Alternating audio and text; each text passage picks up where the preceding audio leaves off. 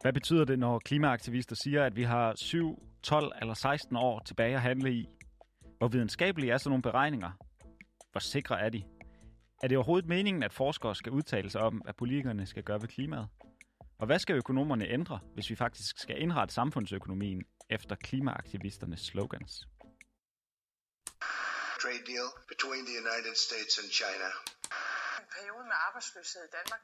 Arbejdsudbuddet vokser. Et nominalt princip, der lige så langsomt udhuler blandt andet boligbeskatninger. Finanstilsynet advarer nu mod den digitale myndighed. Pengene skal kunne flytte sig med lynets hast hen over grænserne mange gange om dagen.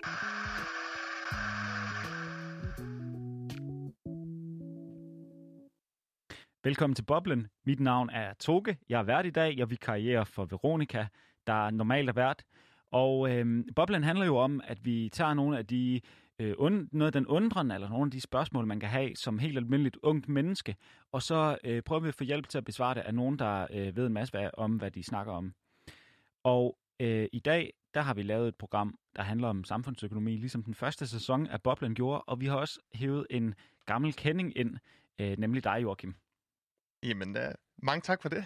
Jamen, velkommen til. Du er phd studerende i Miljø- og Energisystemstudier ved Lund Universitet ved afdelingen for teknologi og samfund. Ja, lige præcis. Så fik lige vi alle stavelserne med. Sige det. Og jeg er godt klar, at man skal lige holde tungen lige i munden med, ja. med den titel. Lige præcis. Er du glad for at være phd studerende Det helt korte svar, det er ja, det er jeg faktisk uh, rigtig glad for. Jeg synes, det er utroligt privilegeret at kunne få lov til at uh, blive ved med at studere. En af mine, øh, en af mine øh, venner øh, beskrev det som at få øh, penge for at læse bøger, man godt kan lide. Er det... Er det, er det... Altså, jeg, jeg, det synes jeg, det er jo at fremhæve nogle af de mest positive aspekter af det. Men ja, jeg har altså skulle sidde og læse bøger, som jeg måske ville have læst alligevel, med høj sandsynlighed, og, og kunne betragte det som arbejdsrelevant, ja. Ikke dårligt. Ikke dårligt. Alle strøm. Øhm, Joachim, jeg har jo der, hævet dig med i studiet i dag, fordi at nogle gange så øh, kan man læse en, sådan nogle overskrifter i medierne, som for eksempel den her. Uret tigger. Klimaforskere giver os kun 17 år til at forhindre katastrofen. Det er en overskrift fra DR fra 30. august 2018. Hvis man læser orienterer sig i internationale, øh, hvad hedder det, internationale medier, så vil man kunne læse øh, sådan noget som det her. Only 11 years left to prevent irreversible damage from climate change, speakers warn during General Assembly High-Level Meeting. Det er en pressemeddelelse fra FN, øh, som altså, øh, hvis vi lige skal oversætte, betyder, der er 11 år tilbage før at øh, til at undgå irreversibel øh, skade på planeten fra klimaforandringer. Den, den pressemeddelelse, den er fra øh, 2019, øh, så øh, vi har seks år mindre på år mellem 2018 og 19 til at reagere. Skal man forstå det på den måde? Altså, det, det lyder jo dystert. Øhm, og der er jo ingen tvivl om, at klimaforandringerne er dybt, dybt, dybt alvorlige.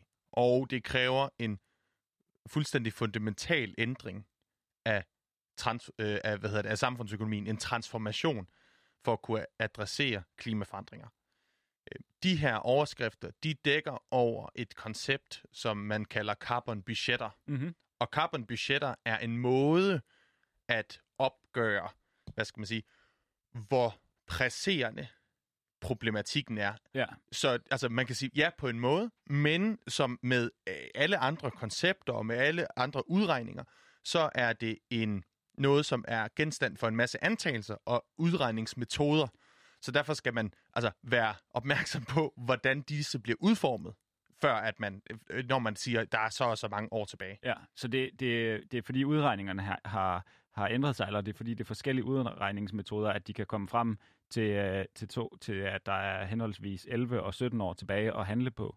Men det kan være, du kan, du kan sige lidt om sådan baggrunden for de her carbonbudgetter. Altså, hvorfor er det, det er, det er vigtigt at finde ud af, hvor, hvor, hvor øh, hvor meget, øh, altså hvor meget carbon vi må brænde af endnu? Ja, altså, jeg synes, at det er en, en meget brugbar måde at forstå det på. Nu sagde du før, at jeg øh, hvad hedder det, læser miljø- og energisystemstudier. Det er sådan lidt en, en bred betegnelse, men jeg beskæftiger mig med samfundsvidenskaben.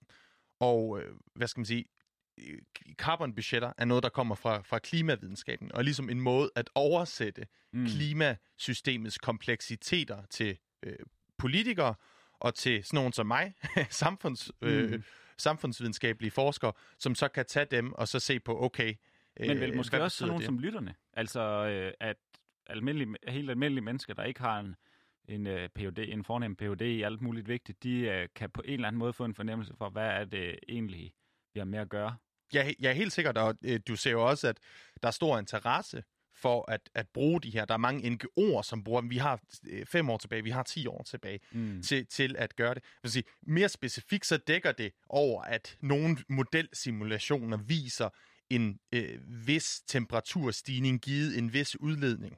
Øh, og, og hvad sige, derfor er det ikke altså derfor er det ikke så mange år der er tilbage ultimativt set, fordi der er så mange usikkerheder omkring mm. det her, mm. men det er sådan en, hvad skal man sige, en heuristik, en tommelfingerregel. Hvordan vil det cirka se ud?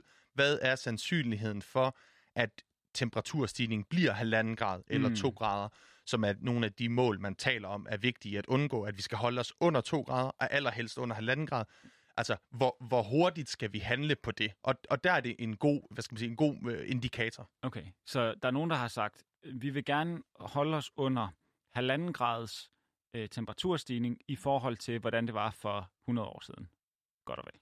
Ja, og så, så har man jo så, hvad hedder det, så gør man det, at man, man prøver at estimere, hvad er sammenhængen mellem udledning af CO2 så hvor meget og en CO2 ændring i temperatur. Har, så hvor meget CO2 har vi udledet indtil nu, og hvor meget er temperaturen steget indtil nu? Går ud fra nogle af de ting, man kigger på? Ja, men, men, men selv det er der usikkerhed omkring. Altså, mm. det, er ikke, det er ikke...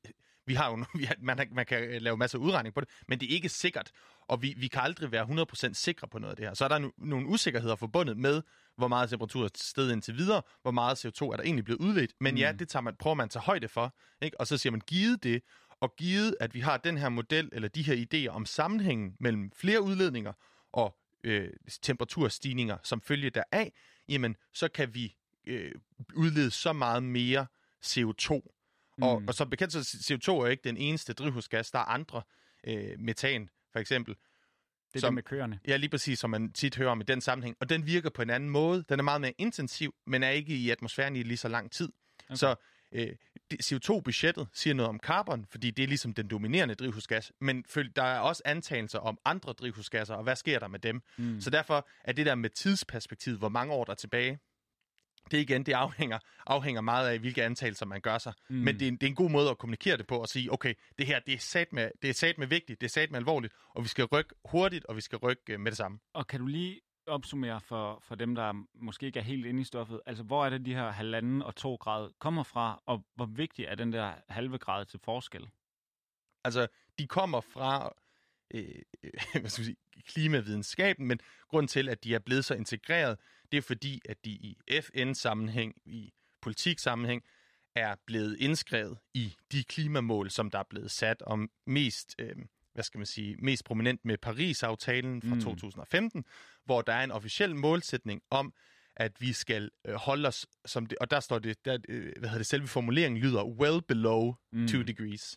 Øhm, og der er det, øh, som de der halvanden grad er noget, som følger af den rapport, som øh, FN's klimapanel IPCC udgav i 2018, hvor de ligesom så på, okay, halvanden grad og to grader, jamen hvor stor er forskellene egentlig, hvor meget øh, med skade sker der mere, og det er ud fra, at de siger, okay, ved halvanden grad, der, er sådan, der kan vi ligesom håndtere det ved to grader, der begynder det altså at blive rigtig, rigtig, rigtig alvorligt. Så derfor siger de, okay, der, vi skal gøre rigtig meget, alt hvad vi kan, for at holde os under halvanden grad, og ikke under to grader. Mm.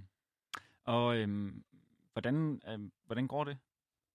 Ja, altså, det, det kommer an på, hvem du spørger, øhm, og, og hvad du ser på. Mm. Jeg vil sige, helt over det set jo ikke særlig godt. Og det er jo også, altså, noget af det, som, som gør, at der er så mange, der er frustreret, og i dansk sammenhæng, at du ser klimabevægelsen sige, at vi gør ikke nok, vi gør ikke nok, vi gør ikke nok.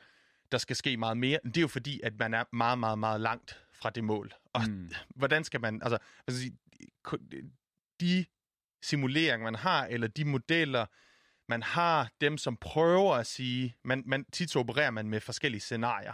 Så går det gode spørgsmål er jo, hvem har bestemt de scenarier, og hvilke mm. antagelser er der der.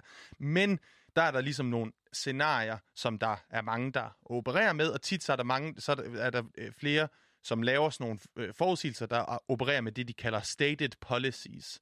Så de siger, okay, givet at alt det, som politikerne har lovet indtil videre, mm. det rent faktisk bliver gennemført, hvad vil der så komme til at ske? Og alt det der, det er jo igen okay. meget antagelsestungt, men, men der er der mange, der siger, okay, i omegnen af, af 3 grader er måske hvad stated policies, eller to, mellem 2 og 3 grader er det, som stated policies vil føre til. Men ja. der er der andre, der siger, prøv at se, hvor billig vedvarende energi er blevet. Nej, nej, nej, det kommer til at gå bedre end det. Mm.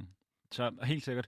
Øhm, så øh, selvom at det kan måske øh, komme meget i medierne, eller det, det, det er nemt at bruge som overskrifter, og det er en god måde, eller en, en god, og i hvert fald en nem måde at forklare i den brede offentlighed. Øh, måske ikke forklare, men illustrere, er det måske et bedre ord, i den brede offentlighed, hvad, hvis man skal opsummere sådan status på klimaforandringerne i et enkelt, i en enkelt kort sætning, eller med et enkelt tal, så, så kan man ligesom bruge nogle af de her carbon budget øh, overskrifter her.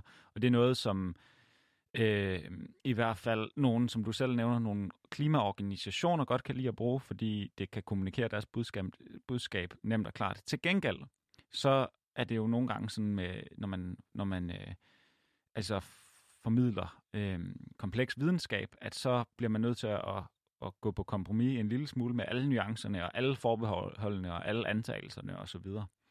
Øh, kan du ikke prøve at sige lidt om, sådan, hvad er, når du, når du sådan som som forsker, som klimaforsker, øh, hører, sådan nogle ta- hører sådan nogle tal og ser sådan nogle prominensen af sådan noget carbonbudget, og vi har så så mange år tilbage, bliver du så mest øh, glad, fordi at øh, budskabet øh, om klimaforskning, status på klimaforskning når ud, eller bliver du mest bekymret over, at det måske bliver lidt forsimplet, og der bliver hugget en hæl og klippet en tog, og, og, og at folk de, de kun læser overskriften og ikke alle fodnoterne?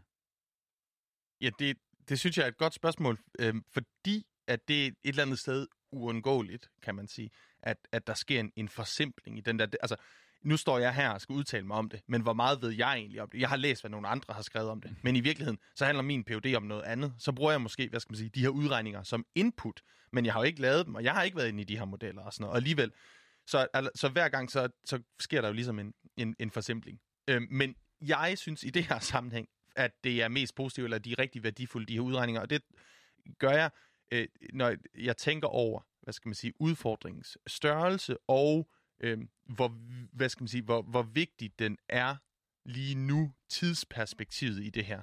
Og det, som carbonbudgettet er rigtig god til at, at vise, det er, jamen, vi skal det, der er vigtigt, det er den samlede koncentration af CO2 i atmosfæren. Mm. Så det der med, at vi, på et, at vi skærer på et tidspunkt, eller vi bare udleder lidt mindre, det gør faktisk ikke hele forskellen. Forskellen er, at vi skal ned på nul udledninger. Vi skal have nul udledninger. Mm. Så, og, og der er det et budget øh, tilgang, som siger, okay, der er ligesom nogle grænser for, hvor meget vi så kan bruge, synes jeg virkelig er godt til at sætte nogle rammer op. Mm. Øhm, og, og det de så gør, det er på global plan. Der, hvor jeg bliver mere nervøs, det er, hvor man siger, okay, men hvad er så Danmarks CO2-budget? Mm.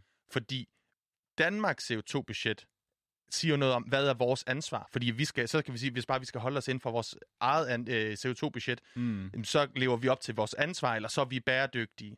Og øh, der kommer igen de der antagelser ind, og der kan man skære det på rigtig mange måder, og der vil jeg være bekymret for, at man skærer CO2-budgettet til en måde, på en måde, der ser ud som om, at Danmark klarer sig bedre, end, man, end andre, end, end der er en masse gode argumenter for, man gør. Mm. Eller at man måske endda, du ved, laver et CO2-budget, der ser ret stort ud i forhold til, hvad, øh, hvad, hvad mange vil sige, eller hvad, hvordan man ellers kunne skære det, sådan at, at Danmark lige pludselig havde et ekstremt lille CO2-budget. Helt klart. Altså, Danmark har jo sådan, tror jeg, mange har indtryk af, historisk været, eller i hvert fald givet indtryk af at være et grønt forgangsland og vindmøller og alle mulige ting. Og så er der kommet en masse klimaaktivister, som har stillet spørgsmålstegn ved det, og nu er der en masse debat omkring jamen, nogle af alle de her øh, alle de her løfter, der blev lavet før øh, det sidste folketingsvalg omkring en klimalov og omkring øh, olieboringer osv., jamen er det faktisk ambitiøst? Øh, går det hurtigt nok? Er det vidtrækkende nok? Og så videre. I den forbindelse, der bruger man det her udtryk, øh, som, jeg, som jeg tror, at regeringen selv har bragt på banen også omkring en hockeystav. Kan du forklare sådan det, der måske, fordi det hænger jo sammen med carbonbudgettet, ikke hockeystaven. Kan du forklare, hvordan, hvordan den vender, og, og er det, altså det er jo en, endnu en forsimpling måske af, et, af et carbonbudget. Kan du både forklare, hvad går hockeystaven ud på, og også, øh, øh, hvad er det, altså, hvad er det, den, hvad er det, den betyder? Ja, der synes jeg faktisk, at carbonbudgetter er ret gode. I hockeystaven øh, taler jo ind i, at vi skal nå en bestemt målsætning i år 2030. Ja. Og det er en anden tilgang end carbonbudgettet. Carbonbudgettet, hvor, det siger noget om, hvor meget mere CO2 kan man udlede. Så et alternativ tilgang er ligesom en sti eller en pathway, som man kalder det, hvor man siger, at i det år skal vi have nået den målsætning, og det år skal vi have nået den målsætning. Mm. Og øh, derfor, så, altså, hvor CO2-budgettet jo ikke siger noget om, i hvilket år man skal have nået hvad, men bare siger noget om samlet. Så det er to forskellige øh, tilgange. Hockeystaven siger jo så, at reduktionsudledningerne, de årlige, det, nedbringe vores øh, udledning af drivhusgasser, jamen det skal ske tæt på 2030. Altså den vender sådan, at selve hovedet på hockeystaven mm. ligger tæt ude på 2030, og man skal forestille sig en graf, man tegner sig for sit indre blik. Og det betyder jo så, at vi øh, ifølge med den strategi ikke skal reducere vores udledninger særlig meget i de her år lige nu. Fordi mm. der er sådan, der kan, der kan godt være en løbende stigning, så længe der er et drastisk fald lige før man skal over målstregen. Ja, præcis. Og øh, i, i forhold til et carbon-budget-perspektiv, jamen, så er det jo problematisk, fordi så bruger du faktisk dit carbon-budget i løbet af årene. Mm. Og så gør det, altså, så kan det godt være, at du reducerer i slutningen tæt på 2030, men så kan du allerede have overskrevet dit budget, fordi du har opbrugt det i løbet af 20'erne, selvom at du når din målsætning i, i slutningen. Det er ikke nok at, at være, øh, at, at, at være øh, øh, ja, at nå udledningsmålene, hvis man hvert år øh, inden udledningsmålet øh, har udledt meget mere end man øh, ellers havde lovet, øh, fordi det tæller også med i regnskabet, i hvor tæt man kommer på de halvanden eller to grader. Ja, det tæller med i regnskabet om, hvor, mange, hvor, hvad hedder det, hvor høj koncentrationen af drivhusgasser eller CO2 er i atmosfæren, og det er det, der er vigtigt. Så du ved, jo mere, jo mere man udleder, jamen, jo højere bliver koncentrationen. Mm. Og det er den, der skal neutraliseres. Det er den, der skal stoppe og ikke må stige yderligere. Og det er derfor, man skal ned på 0. Det er fordi, hvis det først når man rammer 0, netto 0, at den ikke stiger mere. Helt klart. Det tager vi lige en jingle på.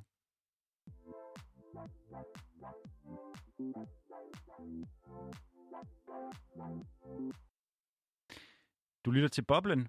Vi øh, undersøger i dag, hvad det betyder, når øh, medierne, alle klimaorganisationer, alle politikere siger, vi har øh, 11 år, eller 7 år tilbage at handle i, øh, i forhold til klimaforandringerne. Og til at hjælpe mig med det, der har jeg i studiet øh, Joachim Tilsted, som øh, er Ph.D. Øh, ved Lund Universitet, og som kan hjælpe os med at opklare, øh, hvad er egentlig, hvad ligger ligesom bag de her tal her, og også hvad er fordelene og ulemperne ved at bruge sådan nogle forsimplinger.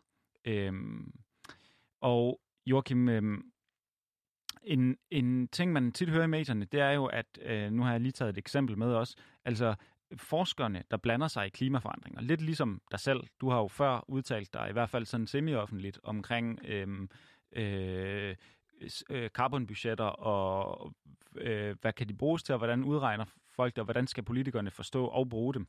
Øhm, jeg har fundet en, øh, en, øh, en øh, artikeloverskrift, som hedder 701 forskere i opråb. Politikerne bør behandle klimakrisen med samme alvor som covid-19.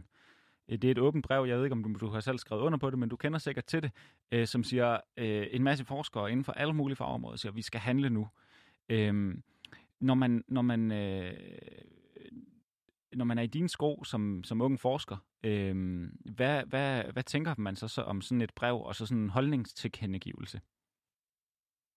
Altså, jeg tror, jeg tror det, det, det er selvfølgelig forskelligt. Jeg, skal sige, jeg kan sige, hvad jeg tænker i hvert fald. Ikke? Ja, tak.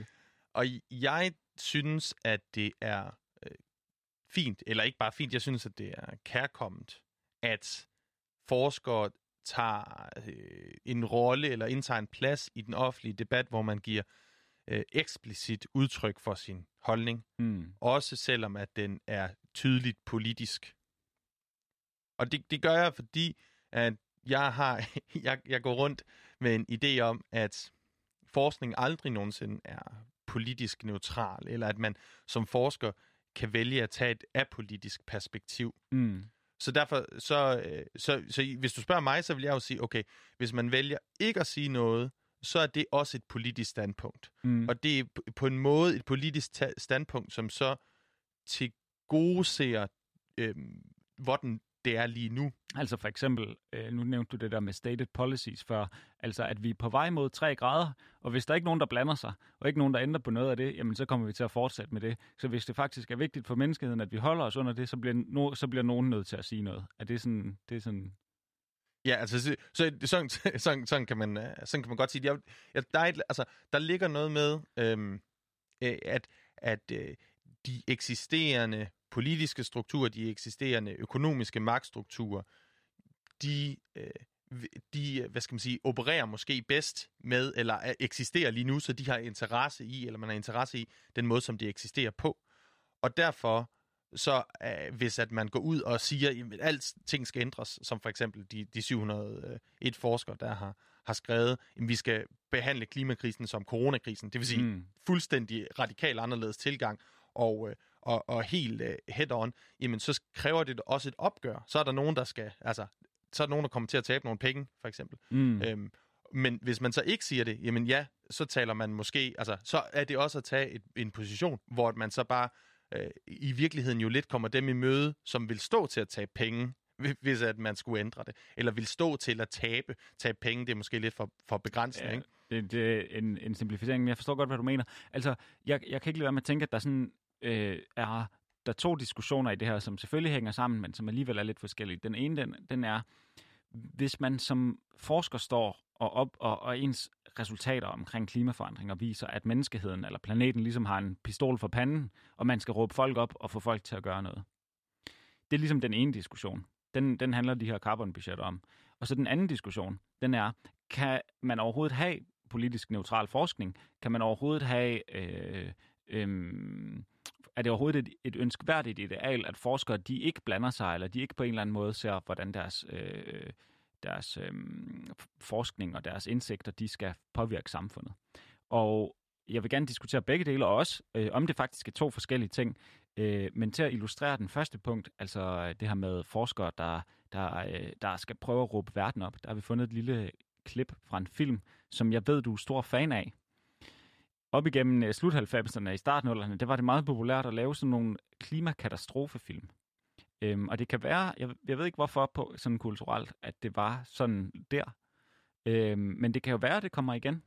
Jeg kan i hvert fald ikke lade være med at tænke over det der med, at, at Godzilla Vest, Godzillas sådan oprindelseshistorie er noget med, det var noget med noget atomaffald, og, og så var der nogle fisk, der muterede og blev ind til Godzilla, eller noget i den stil.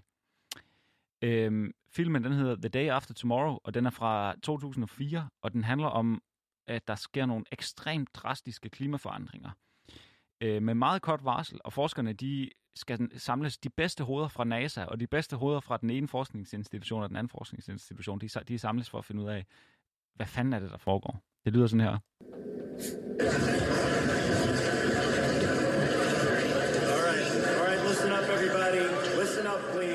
Got a lot of work to do, and we don't have much time, so let's get started, please. For Steve. All our grid models are worthless. I don't think grid models are going to be a lot of help here. The Canadians are reporting tremendous circulation moving down from the Arctic. In Siberia, there's a low pressure system unlike anything we've seen, and Australia just saw the strongest typhoon ever recorded. Hang on, are you saying that these things are interconnected? We have to consider the possibility. The only force strong enough to affect global weather is the sun. What's NASA have to say? We've already checked. Solar output is normal. What about the North Atlantic Current? What about it? I got a call last night from Professor Rapson at the Headland Center. He thinks the current has changed. Come on, Jack, how could that be? The current depends upon a delicate balance of salt and fresh water. We all know that. Yes, but no one has taken into account how much fresh water has been dumped into the ocean because of the melting polar ice. I think we've hit a critical desalinization point. It would explain what's driving this extreme weather. Headland had some pretty convincing data. They've asked me to feed it into my paleoclimate model to track the next set of events. Hold on, Jack. Are you suggesting these weather anomalies are going to continue? Not just continue, get worse.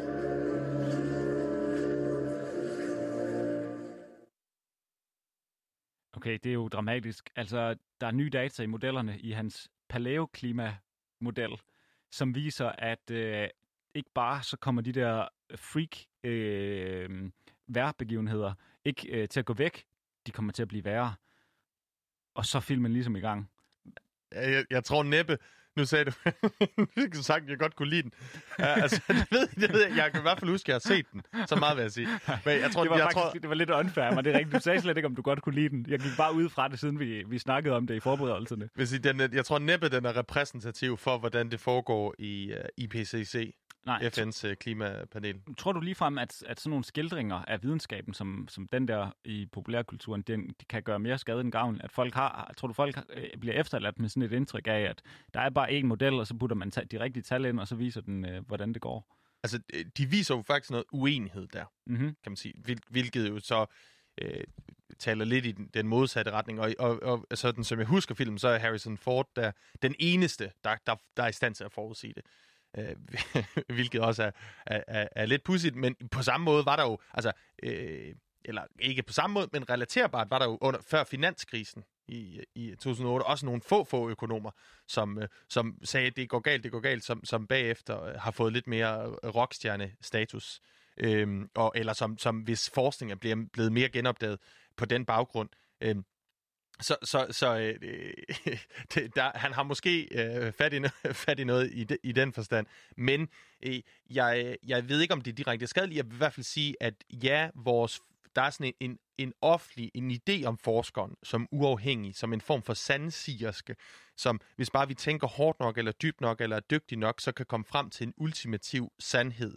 Og øh, den idé er ikke repræsentativ for, hvordan mange forskere tænker om forskning, Mm. eller i hvert fald de forskere, som beskæftiger sig med forskning om forskning. Det lyder, det, altså der er jo også nogle forskere, som går ind i, okay, hvordan bliver forskning politiseret, hvordan, Mm. øh, hvilke idéer er der om forskning, og der, der peger de jo netop på, okay, det er faktisk ikke så simpelt, som det bliver fremstillet i, i populærkulturen. Mm. Hvor meget havde du, eller har du en følelse af, altså, øhm, altså, mm, Øh, hvis man prøver at lægge til side en lille smule, hvordan forskning generelt bliver politiseret, hvad for nogle sådan, øh, økonomiske og, og, og sådan nogle strukturer, som forskning indgår i, men, men, man, men, men øh, og mere kigger på den her følelse her, som de her forskere har i det her klip i The Day After Tomorrow, hvor, det, hvor de alle sammen kisper, fordi det går op for dem, at nu, nu, nu brænder det sat med på. Øh, hvor, meget, hvor meget har du den følelse, når du, øh, når du øh, laver din forskning til hverdag? Altså, har du sådan en, føler du det er meget magtpålæggende, at du får fortalt, øh, altså får, får formidlet til folk, hvor, hvor gralt det egentlig står til, og hvor vigtigt det er at handle, og, og så videre? Eller tænker du også, at det er lidt nogle andres opgave? Jeg tror, det handler, jeg tror ikke, at jeg tænker i forhold til, hvad skal man sige, klimaforandringernes øh, alvorlighed, at det er min opgave. Det er dels fordi, at det er der så stor konsensus omkring, og Øh, så dels fordi, at jeg igen er øh, fokuseret på samfundsvidenskabelige sammenhænge, og ikke på øh, naturvidenskabelige. Og når vi di- diskuterer det her med øh, videnskabens neutralitet, og hvordan forskning og sådan noget politiseres, jamen, så er det også et rigtig vigtigt skæld at tænke på, jamen, naturvidenskaben, som, som beskæftiger sig øh, med, eller i en højere grad kan sætte forsøg op og teste sammenhænge i et lukket system, er anderledes fra samfundsvidenskaben, hvor vi har øh, aktører, individer, mennesker, som har relationer, som er betinget af hinanden på en, på en anden måde, hvor der er det, man kalder refleksivitet. Vi tænker over os selv og hinanden, og vores social magt spiller en rolle, som det ikke gør i, i, i lukkede øh, systemer eller i, i naturvidenskaben. Så derfor er der en grundlæggende forskel mellem øh, på de to. Og også i, så derfor tror jeg, altså derfor er det sværere at sige i en samfundsvidenskabelig sammenhæng, den her den, øh, det er, advarer mod klimaforandringerne. Men jeg vil helt klart sige, det det jo så handler om, det er, hvad så med det økonomiske systems rolle i øh, i forhold til klimaforandringerne, og i forhold Mm. til at ændre den. Og der vil jeg da i den grad, nu er jeg jo, som du sagt, phd studerende så jeg har, altså, jeg har ikke en lang forskningskarriere bag mig, men jeg vil finde det pålæggende i den grad, at, at jeg finder frem til, og at, at, at jeg synes, der er noget, der er vigtigt at gøre opmærksom på, jamen så vil jeg føle, at så skal jeg forsøge at, at promovere det, eller hvad skal man sige, gøre opmærksom på det. Mm. Og, øh, og det kommer også, tror jeg. Altså nogle af de ting, jeg sidder med. Men det er jo ikke sådan, at jeg vil ud med det samme og sige, åh oh, nej, her der har jeg en mistanke om noget. Mm. Men i det sekund, at, at jeg hvad skal man sige, får offentliggjort forskning, eller andre forskere siger, okay, de analyser, du har lavet der, de giver mening. Og så vil jeg også sørge for at gøre opmærksom på det. Øhm, men det er også noget, man så ser mere og mere forskere gå ind i. Eller hvis man for eksempel øh, på Twitter... Øh, er der rigtig mange forskere, som altså, gør rigtig meget opmærksom på deres egen forskning, eller siger, at vi har fundet ud af noget vigtigt. Mm. Og det er der selvfølgelig sådan, hvad skal man sige, nogle karrieremæssige forhold i, men der er også den der, okay, offentligheden skal vide det her, det bliver vi nødt til at adressere. Øhm, helt sikkert. Altså, når, men jeg, forstår godt, at der kan være alle de der hensyn, og jeg forstår godt sådan det der grundlæggende argument om, jamen, hvis man, hvis man øh, forsker i noget, der, som man synes er samfundsmæssigt er vigtigt, og som, som virker åbenlyst samfundsmæssigt vigtigt, øh, og man kommer frem til vigtige ting, jamen selvfølgelig skal man også øh, formidle det, og selvfølgelig skal man også deltage i debatten osv. Men, men, men altså, kan du ikke se nogen bagside ved sådan nogen, når man laver sådan nogle fælles holdningstilkendegivelser som forsker? Altså, jeg tænker både på, øh, tror du, at, at kan, kan offentligheden godt, kan almindelige mennesker godt sortere i, jamen så hvad er der holdninger, og hvad er der fakta? Hvad er, hvornår agiterer en forsker omkring noget, der er baseret på deres egen forskningsområde, og hvornår er de ude og bakke folk op omkring noget, de egentlig de egentlig sådan synes lidt mere privat, eller har sådan lidt mere perifært ligesom beskæftiget sig med. Hvordan kan man vide det som, som sådan en almindelig øh, politikenlæser, når man læser sådan en overskrift? Det er jeg heller ikke sikker på, at man kan. Altså nu nævnte jeg lige øh, Twitter før. Der er meget sjovt. Der er mange, der skriver øh, sådan inde på Twitter, at det er min personlige holdning, ikke min arbejdsgivers. Mm. Eller øh, hvis dengang, at, øh, at der blev lavet meget sjov med, at Lars Lykke sagde, at der var ligesom en privat udgave og en statsministerudgave. Mm. Taler lidt ind i det samme, det der med, hvornår kan vi skelne mellem det ene og det andet. Mm. Og det er rigtig, rigtig svært, og det flyder også sammen. Og øh, hvad skal man sige, i, i forskningen, i hvert fald i samfundsvidenskaben, snakker man meget om positionalitet. Altså, hvem er jeg som forsker, og hvordan min position som forsker, det faktum, at jeg er født og der er opvokset der, hvor jeg er, at jeg har det køn, jeg har, at jeg har den politiske overbevisning, jeg har, den former også de valg, jeg tager. Så kan det godt være, at jeg kan få andre forskere til at tjekke min forskning igennem, og så sige, at det er god forskning eller dårlig forskning. Øh, og, og det er jo så, hvad skal man sige, en måde at tjekke det på. Men de, de positioner betyder stadigvæk noget for, hvordan jeg ser verden, og hvilke forskningsspørgsmål jeg vælger at gå ind i, mm. og øh, hvad jeg synes, der er vigtigt, og om jeg synes, det er vigtigt at gå ud og sige det. Der er, altså, den anden holdning er jo netop det der med, jamen forskning handler om at forstå verden bedre, og så, så slutter det ligesom der, at man på universiteterne skal tænke over, hvordan verden hænger sammen, og hvis at vi finder ud af det, jamen så er verden blevet rigere, uden at vi skal forsøge at lægge det ned over hovedet på andre. Men i en øh, hvad skal man sige, i, i, en, i en tid, hvor at der er så mange relaterede kriser, og der bliver øh, klimaforandringerne bliver øh, talt op, øh, eller er, er så vigtige for vores alles fremtid, jamen så, altså, så er det også så tydeligt et eller andet sted, at man skal trække noget fra den forskning, eller man skal se på, hvad betyder det så for politik, mm. at vi har fundet frem til det ene eller andet.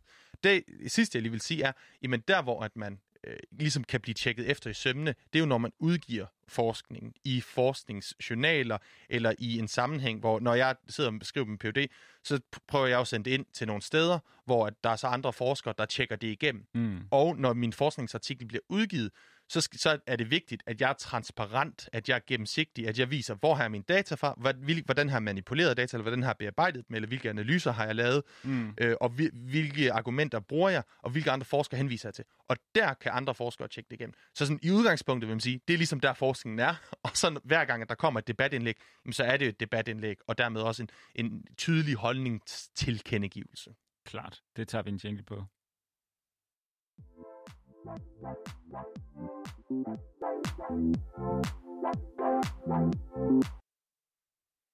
Du lytter til Boblen. Øh, mit navn er Toge. Jeg har Joachim med mig i studiet. Øh, Joachim Tilsted, som er øh, phd studerende i øh, ved Lund Universitet, øh, og som kan hjælpe mig med at forstå øh, altså dels det her spørgsmål omkring carbonbudgetter. Hvad betyder det, når, når man hører, at vi har så og så mange år tilbage at handle i? Men også, øh, hvad i alverden går igennem en, en ung forskers hoved, øh, når man skal tage stilling til, øh, øh, om, om, om den slags udmeldinger, øh, de egentlig giver mening? Kan, de egentlig, kan man egentlig stå forskningsmæssigt inden for dem? Og hvis man ikke kan det, jamen, hvordan skal man så udtrykke meget kompleks øh, klimaforskningsresultater til almindelige mennesker, der ikke har mega meget forudsætning for at forstå det? Og da vi forberedte det her program, der gjorde du mig opmærksom på noget meget sjovt, Joachim, fordi jeg prøvede sådan at stikke lidt, lidt, lidt til dig omkring det her med, jamen, hvor meget skal forskere egentlig udtrykke deres egen holdning, og hvor meget skal de ligesom, øh, altså stiller man ikke sin troværdighed lidt på spil, hvis man bliver for øh, meget en mm, polemiker omkring sine forskningsresultater. Og så henledte du min opmærksomhed på, at jamen, faktisk, især når det handler om sådan noget som klimaforandringer, så er der jo faktisk en masse, der prøver at forme offentlighedens holdning i forvejen, som ikke er forskere. Og hvad var det, du havde i tankerne der?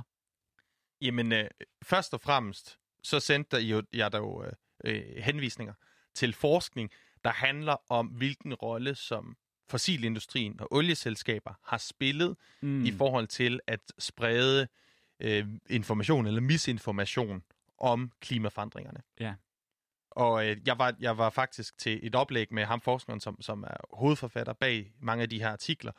Øhm, og det var lidt en øjenåbner for mig. Jeg havde hørt om, at det øh, amerikanske olieselskab Exxon, øh, og som øh, ved en sammenligning med et andet amerikansk olieselskab blev til Exxon Mobil, mm-hmm. Havde været aktiv i øh, at sprede misinformation eller at lave offentlig PR, lave offentlig marketing, som gik imod det, som de ligesom havde gang i internt. De mm. sagde ud af til, sagde de, vi ved ikke, om klimaforandringerne er, er rigtige, sådan meget firkantet sagt.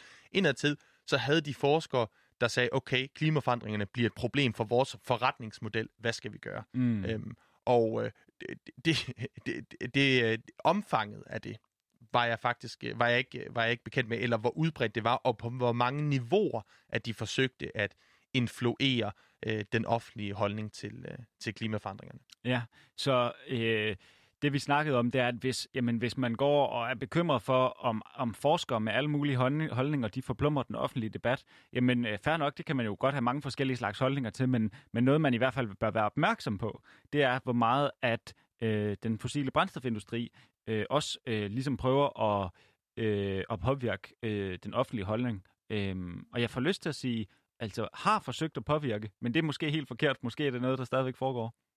Ja, Altså ja, det, øh, det hvis du spørger øh, en forsker som, som øh, Supran, som, som øh, han hed, som holdt det oplæg, så ja. Eller jeg sendte dig også et eksempel, hvor at øh, på, på øh, hvad hedder det, hans forskning, hvor de, det udgav de i 2017, mm-hmm. udgav de en forskningsartikel, og så gik Exxon ud og svarede tilbage, faktisk med en artikel i det samme tidsskrift, og så, kunne, så, så var det sjove var jo så, jamen, så lavede de et modsvar igen, hvor de sagde, jamen, det du øh, har gjort med dit modsvar, det er egentlig, at du har bevist for os, eller for os alle, hvordan I bliver ved med at forsøge at manipulere, og det er endnu et forsøg på at manipulere, fordi prøv at se det, I har gjort her, her, her. Ja, interessant. Interessant. Øh, vi har fundet et klip, som øh, er en, en tegnefilm, øh, som er lavet af... Øh, American Petroleum Institute. Det er en gammel en. Og en, gam, en, gammel, øh, en gammel svinger fra 1960, ja. noget af den stil. Og den handler om nogle øh, tegneseriefigurer, øh, nogle aliens, der skal flytte fra Mars, fordi de er ved at løbe tør for ressourcer. Og så kommer de til jorden, og de er super glade, fordi på jorden, der er der olie. Og klippet, vi har fundet, det lyder sådan her. Most efficient mobile power source on Earth. That was the stuff that powered all those cars and trucks. And asphalt, which makes smooth, durable roads. It seems that oil not only runs cars, it even gives them something to run on. Another oil product is the diesel fuel, which runs giant trains across the nation. In winter, fuel oil made from petroleum brings warmth and comfort to millions of homes. And still other fuels help defend America's shores and skies. From refineries also come the lubricating oils and greases that keep the wheels turning in America. But that still isn't all. Crude oil, like everything else, is made up of billions of tiny molecules. And using the magic of research, oil companies compete with each other in taking the petroleum molecule apart and rearranging it into, well, you name it, fabrics, toothbrushes, tires, insecticides, fader lige ud af øh, tegnefilmen øh, fra 1960, som altså er en form for... Øh, hvad skal man sige, et lille eventyr til børn, går jeg ud fra, børn og unge, omkring, øh, hvor godt det er, at jorden den har, øh, at den har olie. Og øh, et, et form for eksempel på, hvordan at der er, at der helt sikkert er forskere, der, der prøver at påvirke den offentlige holdning, men der er også øh, alle mulige andre interesser. Det er der uden tvivl, og Øhm, den, den øh, ham forskeren, jeg, jeg refererede til før, snakkede, snakkede om, øh, altså vi kaldte det propaganda, og det er bredt, altså det er bredt, det er på mange niveauer, øhm, og øh, noget af der, hvor man også kan se det, det, men det er jo også politisk spil og en politisk magtkamp, der foregår, øhm, og øh, det sjove er sådan i et historisk perspektiv, eller det er ikke, jeg ved ikke, hvor sjovt det er, men det interessante er sådan, jamen, at, at olieselskabernes øh, retorik har rigtig meget fuldt den fra tobaksindustrien, mm. hvor at man i første omgang ikke troede, at cigaretter var usunde, og så begyndte man at øh, så tvivl om dem, og så begyndte man at, at putte et filter på for at pakke dem ind på en ny måde, eller så fik man forskere til at gå ud og sige, eller læger til at gå ud og sige, at de er ikke så farlige. Og faktisk, om det, øh, når vi ser på det historisk set, så olie og gas, de har faktisk gjort nærmest nøjagtigt det samme ned til, at de har brugt de, de, de samme vendinger og den samme retorik. Mm. Øhm, og, og der kan man sige, at, at øh, der er mange, der vil sige i dag, okay, det som tobaksindustrien øh, havde gang i, jamen, det var faktisk forkert hele vejen igennem, eller det var i hvert fald misforstået øh, og, og var vildledende. Og og ja, mod bedre vidne. propaganda. Ja, lige at, præcis. At, altså, fordi det, det, det, jeg tænker er lidt det springende punkt i den her diskussion. En ting er, at, at man som virksomhed eller som industri prøver at, at, at fremme øh, sit produkt, eller få folk til at købe sit produkt og sådan noget. Det, er ligesom, det må man på en eller anden måde gå ud fra fair game. Men det er mere, det, det, det der, hvor det bliver interessant i den her sammenhæng, er jo også, når, når hvis det så sker, og man ved, at der findes for eksempel peer-reviewed forskning, som man decideret sætter ud for at undergrave, at så begynder det at, at, ligesom at komme ind på forskernes banehalvdel på en måde. Det er vel der, noget der, du, hvor du begynder at, sådan at reagere lidt og tænker, at jamen, så, så er det vigtigt, at der er nogen til at råbe vagt i gevær på den anden side. Det, det er i hvert fald meget, meget tydeligt, ja, at, at, at det der med at handle mod bedre vidne, at der ligger en intention. Mm. Altså, at det har man ligesom det har man gjort, og man har tænkt over det og at, at der bliver det faktisk... En ting er, hvis man gør det uden at være klar over det, men hvis man lige fra ved, at der er, øh, hvad skal man sige, at klimaforandringerne er et reelt problem, og så alligevel ikke øh, tager højde for det, eller måske endda prøver at, at sprede information, der tyder på det modsatte, ja, øh, så forstår jeg godt kritikken. Mm. Det er altså et, et eksempel, som øh, Joachim har med på, på noget forskning, der foregår i, øh, i hvordan ExxonMobil har, har prøvet at, både historisk set og, og også øh, i dag, at påvirke øhm, øh, øh, den offentlige holdning til øh, klimaforandringer, eller måske den offentlige opfattelse til det. Øh, vi tager lige en jingle, og så er vi tilbage.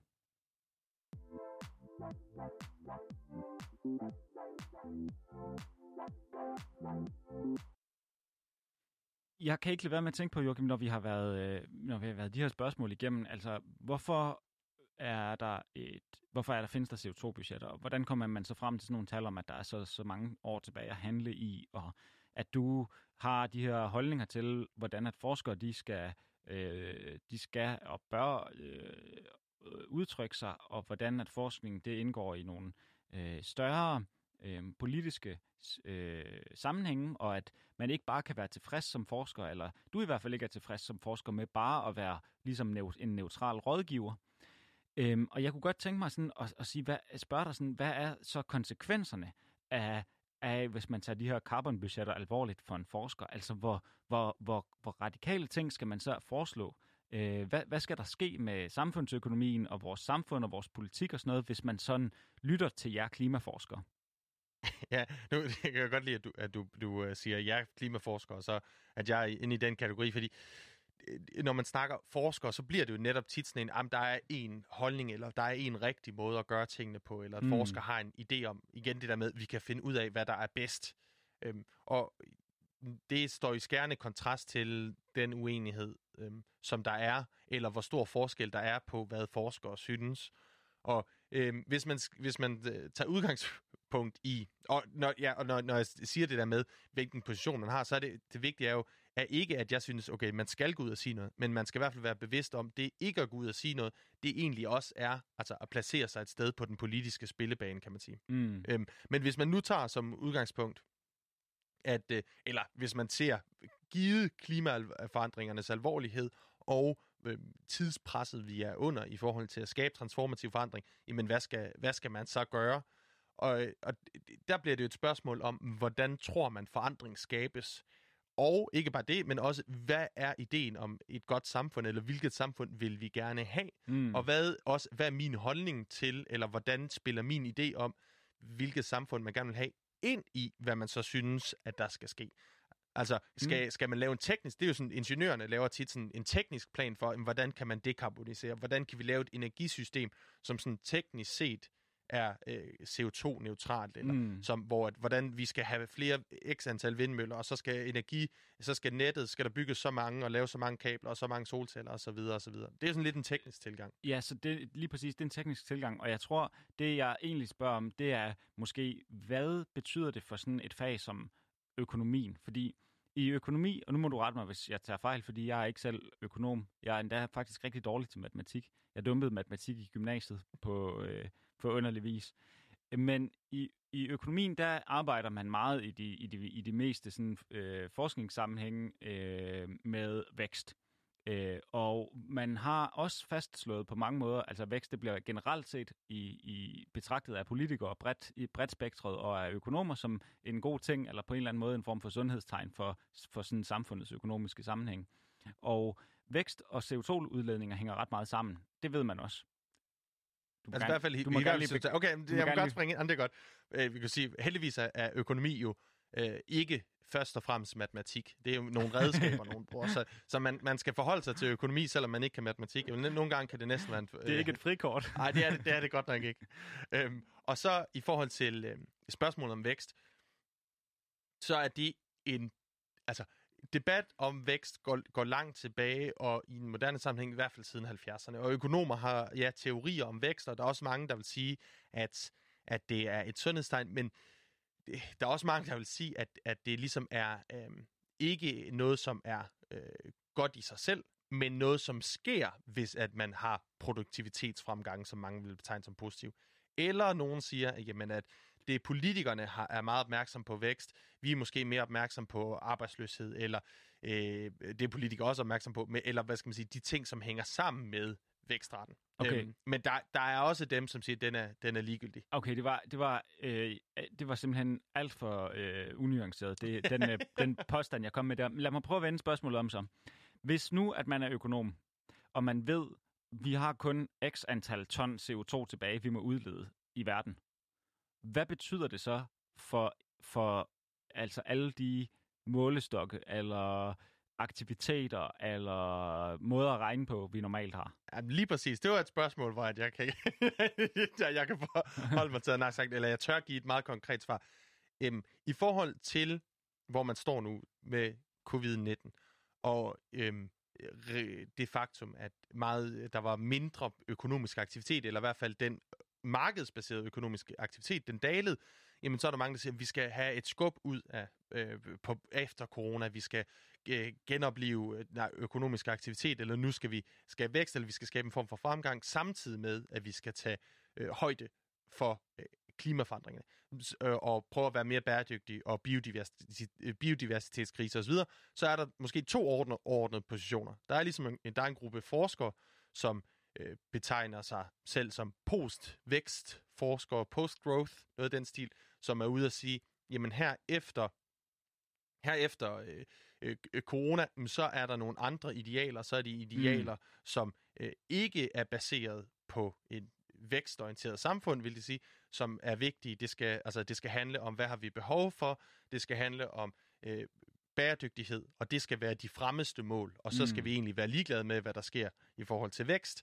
Øhm, og så er der en, en, hvad skal man sige, en anden gruppe, øhm, til dels forskere, til dels også måske øhm, mere politisk, direkte politisk orienterede øhm, øh, foreninger, som, som siger, eller politikere, som siger, at vi skal have grøn vækst. Mm. Og øh, jeg vil sige, der er faktisk, altså, i forhold til lige økonomerne, så er det ikke nødvendigvis altid økonomer. Det er også nogen som for eksempel Bjørn Lomborg, som jo er altså, øh, meget ude og advokerer for, at klimaforandringerne, det er et problem, men det er ikke så stort et problem, fordi vi kommer til at have så meget vækst i fremtiden, at vi bliver så rige, at vi ligesom kan afbøde klimaforandringernes konsekvenser. Kan du lige forklare til de unge lyttere, som måske ikke har set ham for nylig, hvem det er, øh, Bjørn Lomborg er?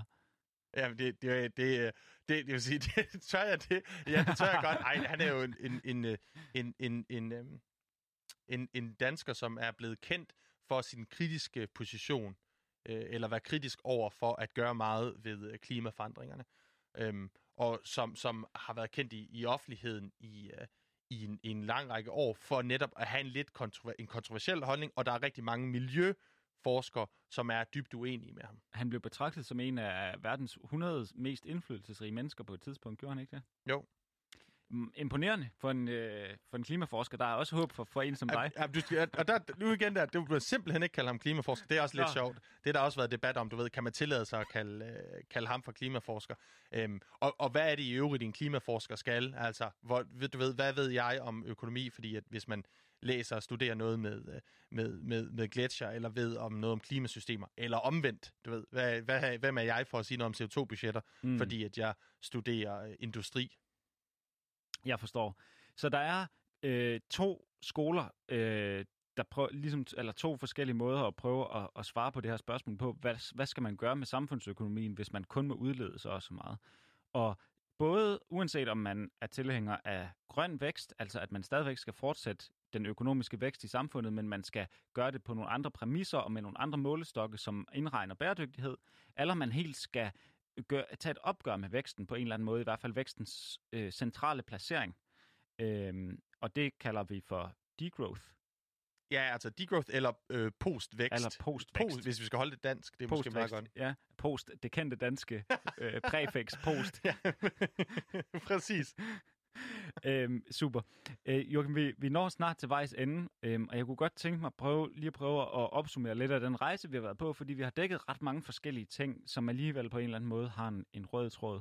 Først så var jeg jo meget nysgerrig på at udfritte dig lidt omkring det her med øhm, carbonbudgetterne, og, og, og, og hvordan at carbonbudgetter de bliver brugt til at sige, at vi har så mange år tilbage at handle i. Og øh, da vi havde snakket om det, så blev det jo tydeligt, at jamen, det er jo en måde at lave forskningsformidling på. Og forskningsformidling øh, omkring samfundsforhold, eller politik, eller ting, der har noget at gøre med, hvordan vi lever sammen som mennesker, de er jo umulige på en eller anden måde at adskille fra nogle værdier i en eller anden grad. Spørgsmålet er, hvor meget skal forskerne selv give udtryk for det?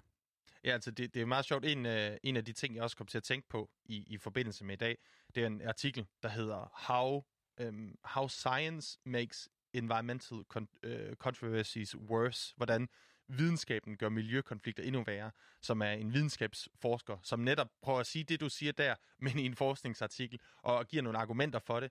Øh, hvorfor er det, at vi ikke bare kan tage de her ting, men faktisk, at, altså, at selve discipliner eller forskellige forskningstilgang, der, de også har nogle normative baggrund, og det faktum, at, at vi bliver nødt til at, hvad skal man sige, orientere os i, i den i den væld af, af, af fakta, eller de væld af oplysninger og informationer, der er, det gør, at man aldrig, altså der, der altid vil være, hvad skal man sige, normativ eller idé om, hvad der er godt og skidt mm. implicit i, i den position, man tager. Interessant. Øhm, og det, det, vi brugte jo ligesom det her med, hvor meget kan man er neutralitet et, et godt ideal, og, og hvis man står med pistolen for panden, ligesom de forskerne i The Day After Tomorrow, hvor meget har man så pligt til at blande sig? Øhm, eller hvor meget er det ikke, og hvornår bliver det ikke at blande sig? Også til en måde at tage, indtage en holdning på. Og øh, til sidst så spurgte jeg dig så om, jamen hvis man så tager konsekvenserne af de her klimabudgetter, hvad betyder det så øh, for, for, den, for den hele det område og hele den måde at regne på, øh, som for eksempel øh, øh, altså vækstbegrebet i økonomi? Er der øh, andre ting, du gerne vil bede en, øh, en kvik lytter om at tage med sig videre fra vores samtale i dag? Jeg tror, det med, øh, at, at man skal være vaks over for, for udregningerne, altså være opmærksom på, på antagelserne. En af de ting, jeg, jeg, nu kan jeg måske nå det, jeg, jeg var ærgerlig over, at jeg ikke fik sagt før, det var, jamen der er også øh, forskning, hvis man siger, okay, Danmark har his, øh, et historisk ansvar, fordi vi har udledt i mange år, så har vi faktisk et negativt budget. Så der er altså et negativt carbonbudget, så skal vi nærmest, altså, så, så, er det jo allerede... Plant skove og stoppe alt, hvad vi laver? Ja, præcis. Altså, så skal man gå den anden vej rundt. Øhm, så det der med, at, at øh, en, en hver position ligesom forudsætter nogle idéer om, hvem vi er, eller hvordan verden er, eller hvordan den hænger sammen, og dermed til dels også, hvad der er godt, det, det gør bare, at man skal... Altså, det, det, det, det, ja, det vil jeg gerne have, at man tager med sig. Jamen, øh, det har du i hvert fald fået øh, mikrofontid til. Jeg vil sige øh, tusind tak, fordi at øh, du var med her i dag, og, øh, og tak til dig, der lyttede med.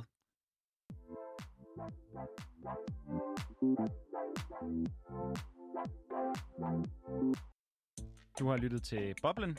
Mit navn er Toge Daler. Øh, I øh, studiet havde jeg sammen med mig Joachim Tilsted. Øh, programmet er produceret af Danske Studerendes Fællesråd. Musikken den er skrevet og øh, komponeret af, opført af Esben Kelsen Krav. Øhm, hvis du har nogle spørgsmål, øh, som du godt kunne tænke dig, at vi tager op i det her program, så kan du skrive til boblen